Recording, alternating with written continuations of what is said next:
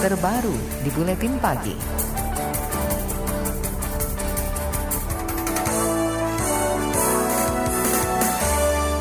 Aktivis hak asasi manusia mendesak Presiden Joko Widodo menghentikan krisis politik dan kemanusiaan di Papua. Aktivis HAM Papua, Veronica Koman mengklaim menyerahkan dokumen detail tahanan politik dan korban tewas di Papua kepada Presiden Jokowi dan meminta Presiden menindaklanjuti temuan itu. Menurutnya, Data itu diberikan agar Presiden memahami dan mengetahui kondisi di Papua sehingga bisa mengambil langkah bijaksana. Jadi tadi tim kami menyerahkan dua jenis data yaitu yang pertama terkait uh, detail tahanan politik Papua yang tersebar di tujuh kota di Indonesia dan Papua saat ini ya uh, ada 57 orang. Kemudian data berikutnya adalah jumlah nama dan umur 243 korban sipil sejak dimulainya operasi militer di Nduga. Mereka ini yang baik uh, dibunuh oleh aparat keamanan maupun meninggal dalam kelaparan dan sakit uh, dalam pengungsian. Aktivis HAM Papua Veronica Koman menambahkan, saat ini puluhan tahanan politik Papua disidangkan di sejumlah daerah di Indonesia.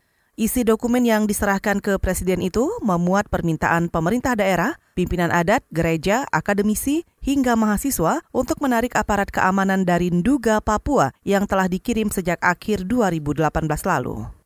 Koalisi Advokat Tahanan Politik atau Tapol Papua menyebut ada beberapa tujuan penyerahan dokumen data Tapol kepada Presiden.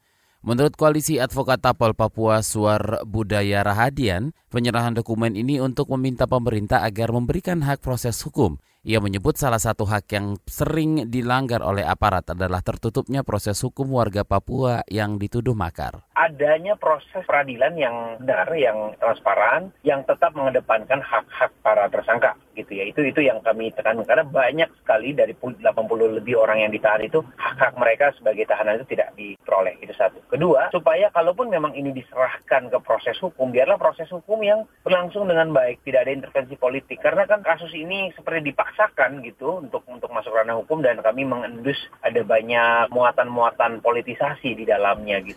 Koalisi Advokat Tapol Papua Sur Suara Budaya Rahadian menambahkan, Pencantuman data korban meninggal akibat konflik di Papua dalam dokumen tersebut bertujuan agar pemerintah segera menarik pasukan dari Papua. Menurutnya penambahan aparat di Papua hanya akan memunculkan konflik. Pasalnya warga Papua saat ini hanya menginginkan dialog ke pemerintah.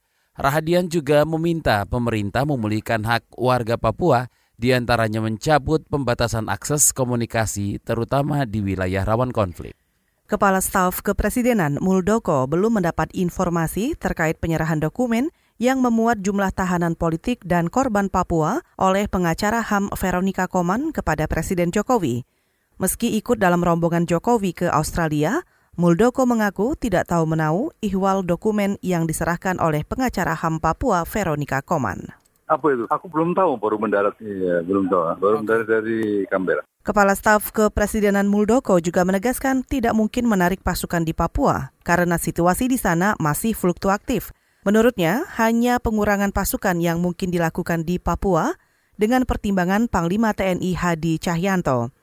Sedangkan terkait tahanan politik di Papua, di sejumlah daerah, Muldoko juga menolak berkomentar karena telah masuk ke ranah hukum.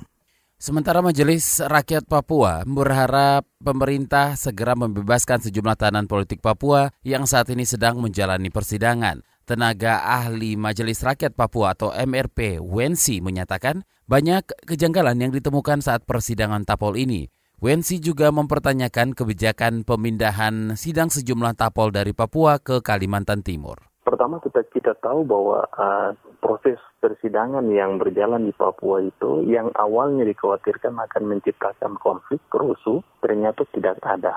Situasinya proses persidangannya berjalan normal sehingga tahanan politik yang ditahan di Kalimantan Timur harus dikembalikan ke Papua dan menjalani proses persidangan di uh, Jayapura. Tenaga ahli MRP Wensi menambahkan pendekatan kesejahteraan yang digaungkan pemerintah dengan warga Papua tidak pernah terbukti. Bahkan aparat keamanan di sejumlah kabupaten kota di Papua semakin bertambah. Menurutnya masyarakat Papua terus mendorong pemerintah melakukan dialog guna menyelesaikan konflik di bumi cendrawasih ini.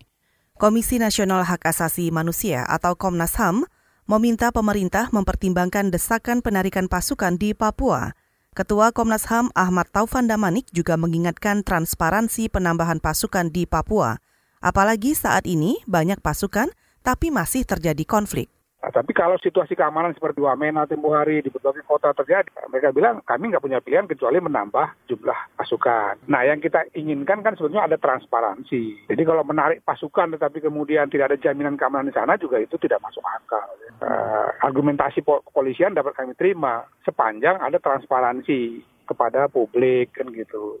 Ketua Komnas HAM Ahmad Taufan Damanik juga meminta masyarakat menunggu proses hukum terkait tahanan politik Papua. Menurut Taufan, penegak hukum sudah menjalankan proses sesuai koridor hukum yang berlaku di Indonesia, termasuk pemenuhan hak dan mendapat pendampingan kuasa hukum. KBR, inspiratif, terpercaya.